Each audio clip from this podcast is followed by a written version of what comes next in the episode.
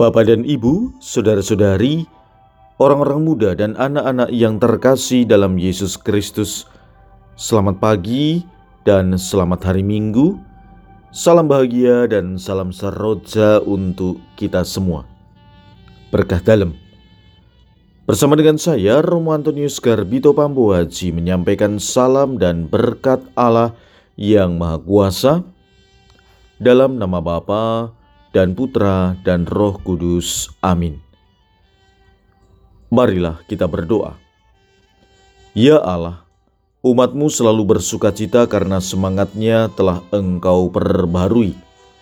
Semoga kami yang hari ini bergembira karena telah engkau angkat menjadi anak-anakmu, menantikan hari kebangkitan dengan harapan penuh syukur. Dengan pengantaran Tuhan kami Yesus Kristus Putramu yang hidup dan berkuasa bersama dikau, dalam persatuan dengan Roh Kudus, Allah, kini dan sepanjang masa. Hari ini Minggu 1 Mei kita memasuki Minggu Paskah ketiga. Bacaan pertama dalam liturgi hari ini diambil dari kisah para rasul bab 5 ayat 27b sampai 32 dilanjutkan 40b sampai dengan 41. Bacaan kedua diambil dari kitab Wahyu bab 5 ayat 11 sampai dengan 14. Dan bacaan Injil diambil dari Injil Yohanes bab 21 ayat 1 sampai dengan 19. Marilah kita mendengarkan Injil suci menurut Yohanes. Sesudah bangkit dari antara orang mati, Yesus menampakkan diri kepada murid-muridnya di pantai Danau Tiberias. Ia menampakkan diri sebagai berikut. Di pantai itu berkumpul Simon Petrus, Thomas yang disebut Didimus, Nathanael dari Kana yang di Galilea, anak-anak Zebedius dan dua orang muridnya yang lain. Kata Simon Petrus kepada mereka, Aku pergi menangkap ikan. Kata mereka kepadanya, kami pergi juga dengan engkau. Mereka berangkat lalu naik ke perahu, tetapi malam itu mereka tidak menangkap apa-apa. Ketika hari mulai siang, Yesus berdiri di pantai, akan tetapi murid-murid itu tidak tahu bahwa itu adalah Yesus. Kata Yesus kepada mereka, "Hai anak-anak, adakah kamu mempunyai lauk pauk?" Jawab mereka, "Tidak ada." Maka kata Yesus kepada mereka, "Tebarkanlah jalamu di sebelah kanan perahu, maka akan kamu peroleh." Lalu mereka menebarkannya dan mereka tidak dapat menariknya lagi karena banyaknya ikan. Maka murid yang dikasih Yesus itu berkata kepada Petrus, "Itu Tuhan." Ketika Petrus mendengar bahwa itu adalah Tuhan, maka ia mengenakan pakaiannya sebab ia tidak berpakaian, lalu terjun ke dalam danau. Murid-murid yang lain datang dengan perahu karena mereka tidak jauh dari darat, hanya kira-kira 200 hasta saja dan mereka menghela jala yang penuh ikan itu. Ketika tiba di darat, mereka melihat api arang dan di atasnya ada ikan dan roti. Kata Yesus kepada mereka, "Bawalah beberapa ikan yang baru kamu tangkap itu." Simon Petrus naik ke perahu lalu menghela jala itu ke darat, penuh ikan-ikan besar 153 ekor banyaknya. Dan sungguh pun sebanyak itu ikannya, jala itu tidak koyak. Kata Yesus kepada mereka, marilah dan sarapanlah. Tidak ada di antara murid-murid itu yang berani bertanya kepadanya siapakah engkau, sebab mereka tahu bahwa ia adalah Tuhan. Yesus maju ke depan mengambil roti dan memberikannya kepada mereka. Demikian juga ikan itu. Itulah ketiga kalinya Yesus menampakkan diri kepada murid-muridnya sesudah ia bangkit dari antara orang mati. Sesudah mereka sarapan, Yesus berkata kepada Simon Petrus, "Simon, anak Yohanes, apakah engkau mengasihi aku lebih daripada mereka ini?" Jawab Petrus kepadanya, "Benar Tuhan, engkau tahu bahwa aku mengasihi engkau." Kata Yesus kepadanya, "Gembalakanlah domba-dombaku." Kata Yesus pula kepadanya untuk kedua kalinya, Simon, anak Yohanes, apakah engkau mengasihi aku? Jawab Petrus kepadanya, Benar Tuhan, engkau tahu bahwa aku mengasihi engkau. Kata Yesus kepadanya, Gembalakanlah domba-dombaku. Kata Yesus kepadanya untuk ketiga kalinya, Simon, anak Yohanes, apakah engkau mengasihi aku? Maka sedihlah hati Petrus karena Yesus berkata untuk ketiga kalinya, apakah engkau mengasihi aku? Maka ia berkata kepadanya, Tuhan, engkau tahu segala sesuatu. Engkau tahu bahwa aku mengasihi engkau. Kata Yesus kepadanya, gembalakanlah domba-dombaku. Aku berkata kepadamu sesungguhnya, Ketika masih muda, engkau sendiri mengikat pinggangmu dan engkau berjalan ke mana saja kau kehendaki. Tetapi jika engkau sudah menjadi tua, engkau akan mengulurkan tanganmu, dan orang lain akan mengikat engkau dan membawa engkau ke tempat yang tidak kau kehendaki. Hal ini dikatakan Yesus untuk menyatakan bagaimana Petrus akan mati dan memuliakan Allah.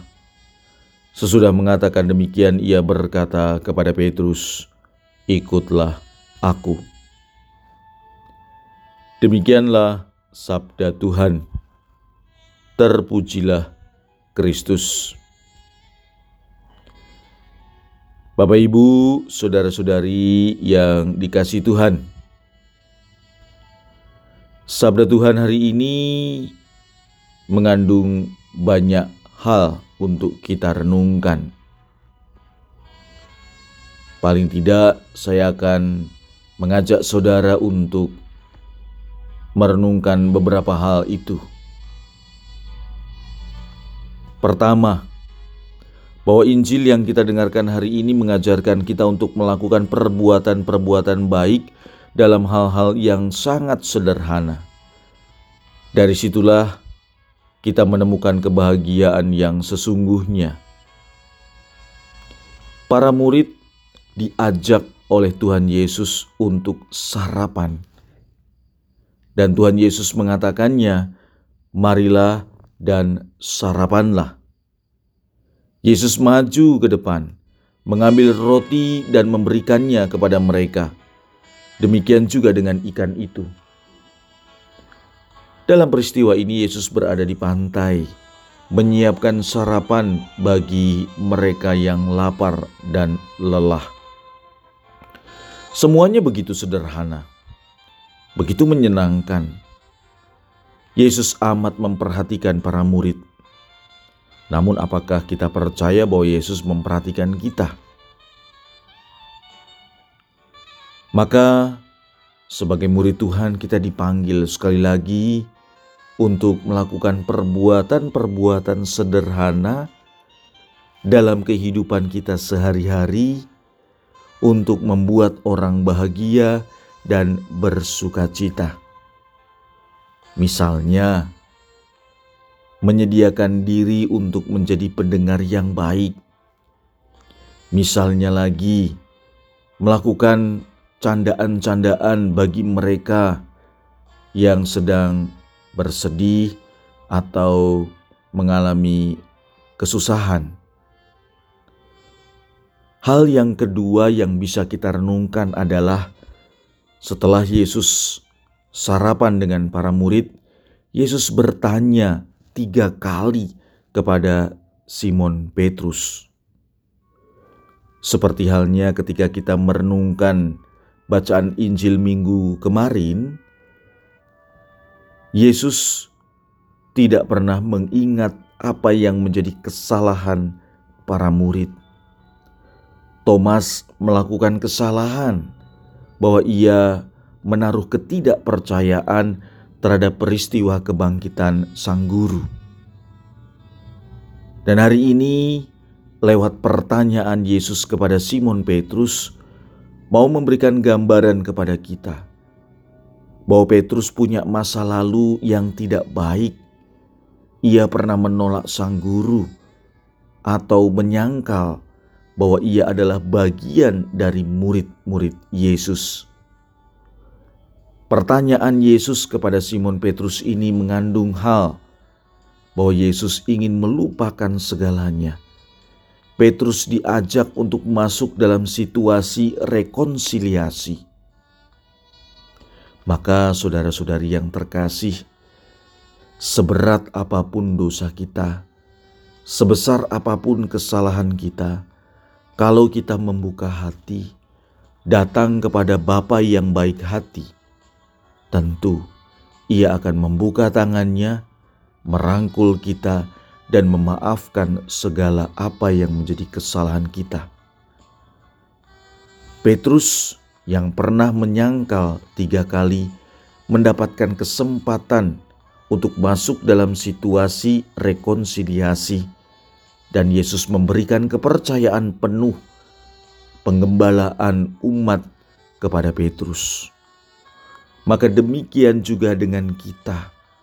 Mari kita mengakui kelemahan kita, mengakui bahwa kita adalah makhluk manusia yang berdosa, butuh pengampunan, butuh rekonsiliasi, dan setelah mendapatkan itu semua, mari kita berubah seperti Petrus dan para murid yang lain, bahwa setelah mereka menangkap ikan, jala tidak koyak karena mereka menyerahkan segala hidup mereka pada penyelenggaraan ilahi. Oleh karena itu, kita pun diajak untuk masuk dalam situasi demikian. Percaya pada penyelenggaraan ilahi dalam hidup kita. Tuhan akan memperlengkapi apa yang menjadi kebutuhan kita. Kalau kita percaya, kalau kita menyerahkan hidup kita pada kehendaknya. Marilah kita berdoa. Allah yang Maha Kuasa kami mohon, semoga rahmat sakramen Paskah yang telah kami terima terus bekerja dalam hati kami dan mengubah hidup kami. Berkat Allah yang Maha Kuasa, dalam nama Bapa dan Putra dan Roh Kudus. Amin.